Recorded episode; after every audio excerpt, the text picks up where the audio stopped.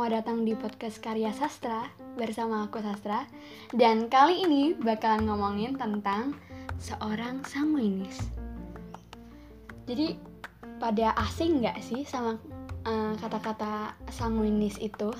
Sanguinis itu sebangsa dengan melankolis, plekmatis, dan koleris Di dalam diri orang itu ada semua kepribadian itu tapi ada satu atau dua yang paling dominan. Nah, kalau aku sih lebih ke sanguinis. Aku gak tahu ya kelihatan banget atau enggak sanguinisku, tapi ya ya ya ini, ya ini aku gitu. Kalau kamu nggak tahu sanguinis ya mungkin bisa lihat aku gitu. Chill. Pasti. Dan aku mau uh, berbagi um, apa yang aku baca, yang pernah aku baca dikit, dikit banget tentang populasi. Uh, apa, jadi uh, di antara kepribadian itu yang paling banyak itu yang mana sih gitu? Orang-orang itu paling banyak uh, punya kepribadian yang mana sih gitu?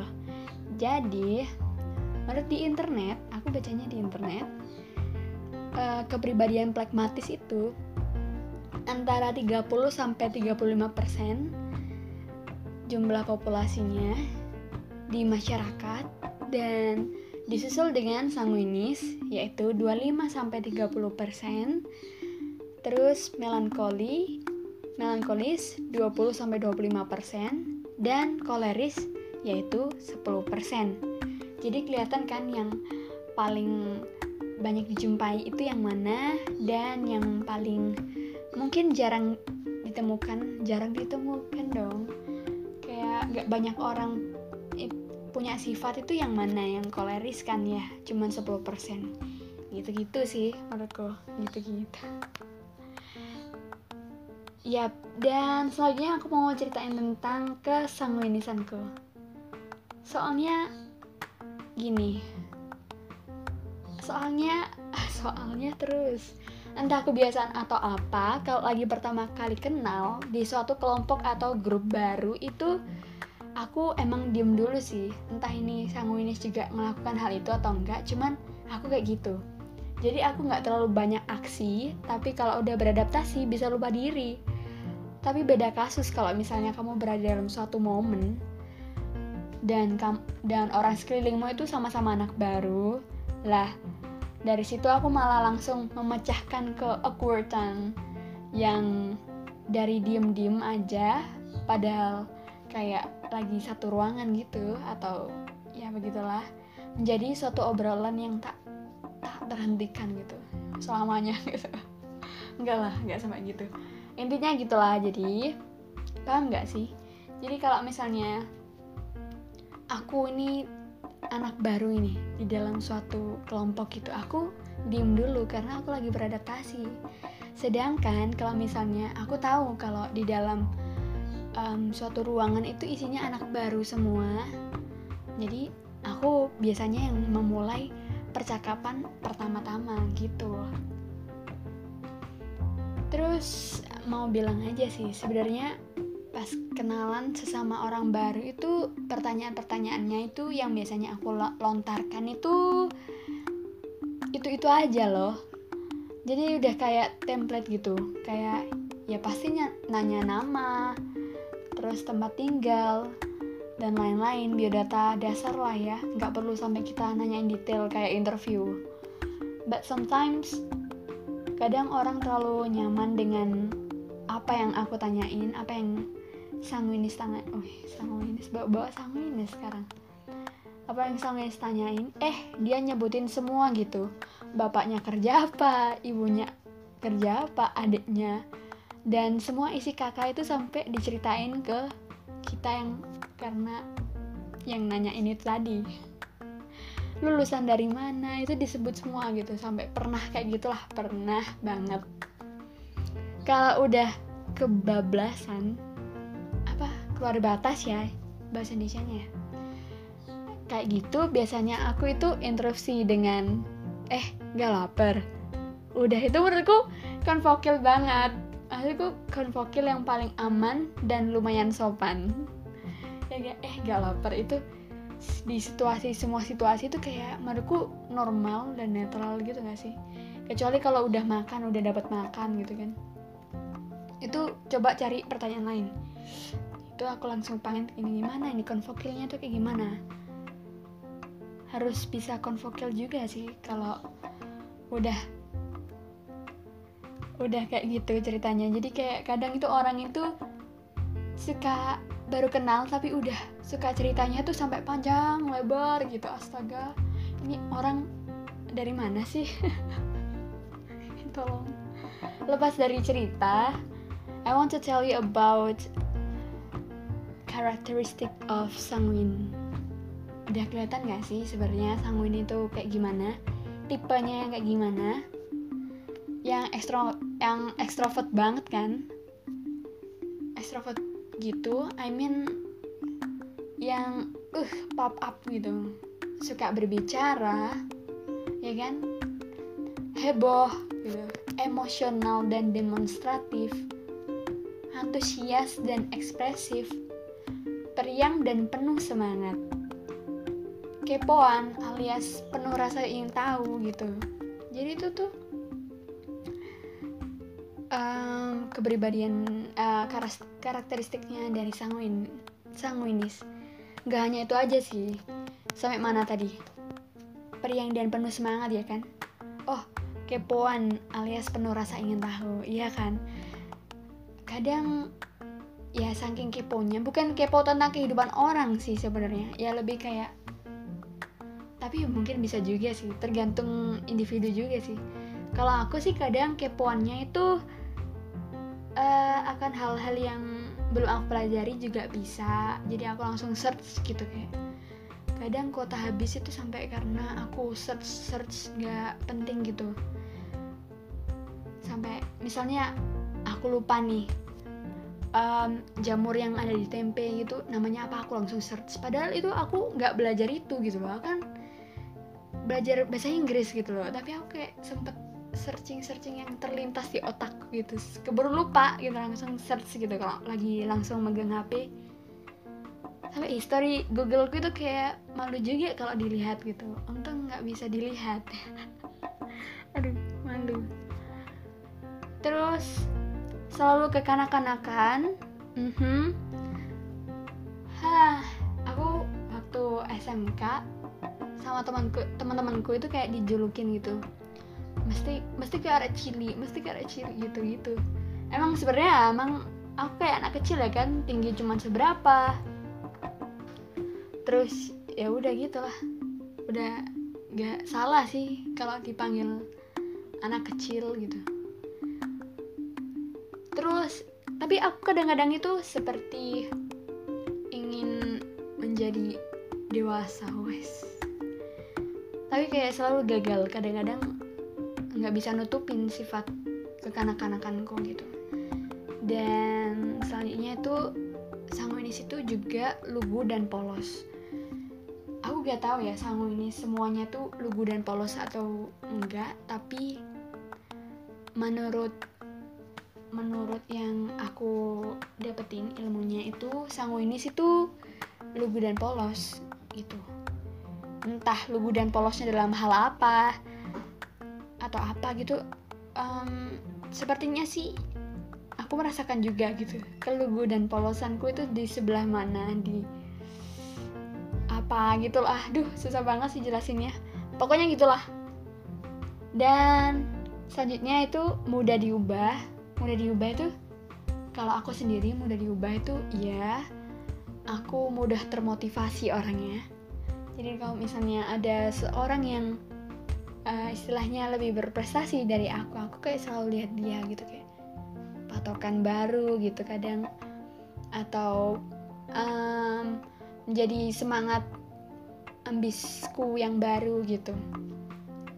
Tapi bukan berarti plain plan sih. Sebenarnya aku masih punya jalan cuman uh, mudah diubah lah gitu.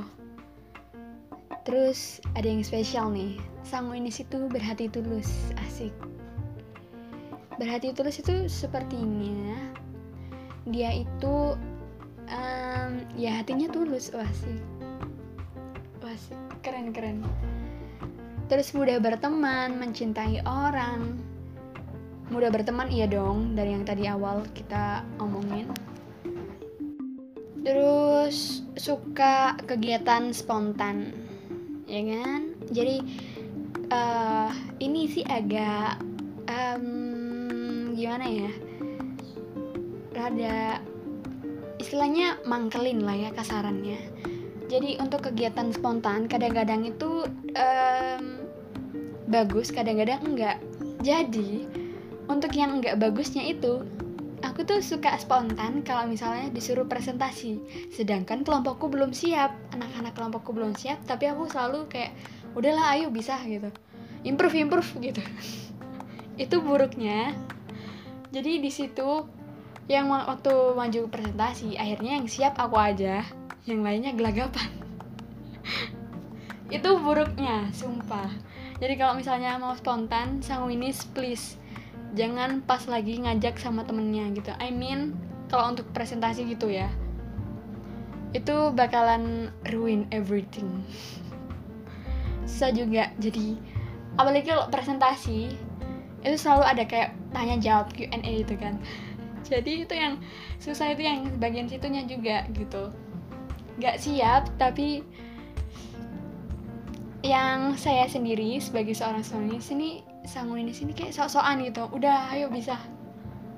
Mending apa cepet selesai gitu. Kalau aku gitu pikiranku. Tapi itu wih egoku sih. Jadi teman-teman mohon maaf yang pernah aku gituin. Astaga maaf. Dan kadang yang beruntungnya keuntungannya untuk melakukan kegiatan spontan ya kadang-kadang kayak ya misalnya dibutuhin atau ap, apa atau apa gitu. Ya bisa sih kayak misalnya disuruh ini atau ini itu bisa gitu. Spontan inisiatif pun iya. Gitu sih. Kalau menurut aku terus suka jadi re, suka relawan volunteer gitu. Tapi kadang-kadang orang tua aku tuh kayak kamu tuh banyak kegiatan apa dibayar? gitu. Nggak gitu mah ceritanya mah maksudnya ya aku suka gitu suka relawan volunteer. Even nggak dapat sertifikat buat uh, ngumpulin SKP even itu kayak ya nggak dibayar gitu. Aku tuh nggak apa-apa gitu. Kadang iya sih aku juga sempat mikir gitu kayak um, rugi waktu nggak sih? Tapi di sisi lain aku juga mikir yang penting punya pengalaman gitu. Jadi kayak dalam diri aku tuh perdebatan kamu rugi waktu? Enggak kamu itu punya pengalaman gitu. Seperti itu. Gak jelas kadang. Entahlah. Pokoknya gitu. Tapi tidak ada yang disesali sih yang harus disesali itu dosa. Apa dosanya? Ya harus introspeksi diri gitu. Wasik loh kok jadi belajar agama gini mm -hmm, lanjut ke karakteristik yang lain yaitu kreatif dan inovatif. Ya ya udah gak usah dijelasin sih ya. Kalau dalam aku aku kan hobinya fotografi. Wah cie curhat suka suka fotografi ya kan sebenarnya juga suka perfilman gitu sinematik gitu aku suka sih. Tapi aku tuh kayak kurang gimana ya kurang berani sih kalau dalam hal ini. Jujur sih untuk kekreativitasanku dalam fotografi dan sinematografi itu kadang aku tuh kayak mikirin konsep yang aneh-aneh yang orang itu nggak tahu gitu. Tapi aku juga belum berani buat apply itu. Menyedihkan sekali. Sebenarnya out of the box juga sih. Kadang aku nulis di notes gitu kan. Dan tulisannya tuh nggak penting apa nggak bisa di ngertiin orang lain gitu. Karena ya aneh-aneh gitu loh. Jadi misalnya uh, ya imajinasiku gitu. Jadi imajinasiku tuh apa gitu. Aku nulisnya tuh cuman yang inti-intinya aja. Jadi orang itu nggak bisa baca itu ini maksudnya apa sih? Ini maksudnya apa sih? Gitu. Kadang seperti itu aduh terlalu cercolca di sini. Bodoh amat. Pokoknya ya selanjutnya tuh banyak energi. Sanguinis itu kayaknya energinya stoknya tuh lebih banyak daripada yang lain-lainnya. Udah banyak tingkah gitu ya kan banyak ngomong. Loh kurang apa coba? Terlalu ih, ngabisin tenaga itu. Sangu ini sini. Tapi dari situlah keunikan sanguinis ya. Selanjutnya itu hmm, apa ya? Suka memengaruhi orang lain. Dalam hal positif loh ya. Iya sih. Kadang aku suka banget memengaruhi orang lain. Kayak nyemangatin orang lain kayak kasih support terus. Terutama teman-teman aku aku selalu nyemangatin juga kan. Aku paling nggak nggak mungkin sih kalau sampai matahin semangatnya orang itu aku paling nggak pernah deh kayaknya. Jadi aku selalu ambil positifnya uh, misalnya dia itu mau uh, ikut lomba atau apa aku kayak support terus gitu. Ayo kamu bisa ayo kamu bisa gitu gitu. Kayak aku selalu support dia gitu. Dan kadang itu malah aku pikir itu adalah hal yang toksik gitu ya kan. Karena aku cuman nyemangatin doang gitu merintah gitu kan. Padahal ya menurutku ya Eh, nggak uh, gitu ya sebisamu sebisamu tapi seharusnya kamu itu bisa gitu loh. Aku yakin kamu bisa karena hal ini ini ini ini gitu. Aku nyebutin kenapa kamu bisa melakukan itu karena kamu punya kelebihanmu gitu. Jadi aku punya alasan kenapa kamu aku sampai mungkin ngotot atau mungkin ya kekeh gitu nyemangatin dia gitu. Dalam suatu uh, kegiatan yang ingin dilakukan dia gitu atau dalam suatu hal lah gitu. Seperti itu sih. Mungkin sanguinis yang lain juga merasakan yang sama ya kan? Ya gak apa-apa. Coba. Yang penting jangan sampai kayak maksa gitu ya kan yang penting kita udah berniat baik gitu. Bener-bener dari hati gitu. Dan dari itu semua sanguinis itu suka dipuji.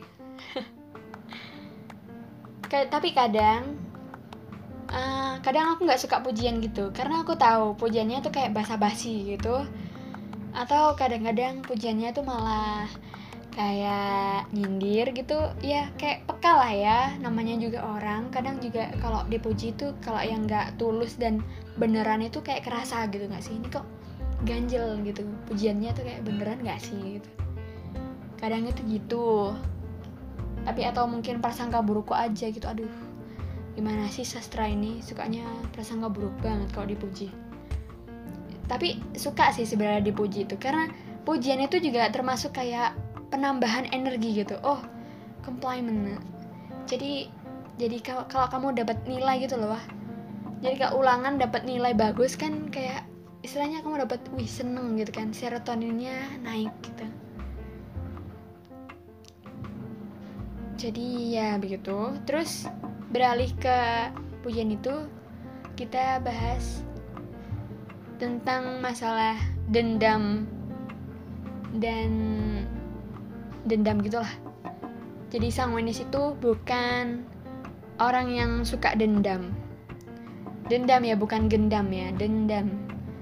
Entah kamu habis ngapa-ngapain. Maksudnya maksudnya maksudnya entah kamu habis jahatin sanguinis gitu. Seorang sanguinis ya all over sanguinis in the world.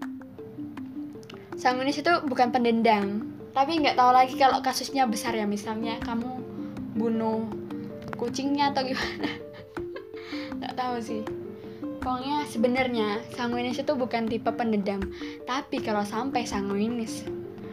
Dendam sama kamu terus melakukan hal-hal yang wow sama kamu berarti kamu yang terlalu keter keterlaluan gitu teman-teman. Tapi untuk hari itu habis dendam gitu ya misalnya ceritanya nih ceritanya nih seorang sanguinis di luar sana atau aku deh aku habis dendam gitu ya kan. Aku habis balas dendam gitu sama seorang yang habis jahat ke aku. Habis gitu aku malah yang minta maaf dong. Kadang sebodoh itu entahlah bodoh atau gimana ya tapi hah menurut aku minta maaf itu kayak wow necessary. Cepet banget minta maaf gitu kadang juga merasa bersalah sorry ya gitu. Cepat minta maaf sih. Jadi ya begitu. I think that's all yang bisa aku sebutin. Udah sampai sore grogi ini jadi kayak aku haus. Ya terima kasih telah mendengarkan podcast sastra di karya sastra sampai jumpa minggu depan. Jangan bosan-bosan ya dengerin kerendemanku buat talking about ya yeah, everything. Uh, terima kasih. Sekali lagi mohon maaf ada salah kata dan pengucapan atau apa gitu ya. Atau informasi yang mungkin salah. Bisa hmm, ngobrol-ngobrol gitu ya. Yep atau gimana yep gitu. Jangan lupa berbuat baik dan selalu berbuat baik. Terima kasih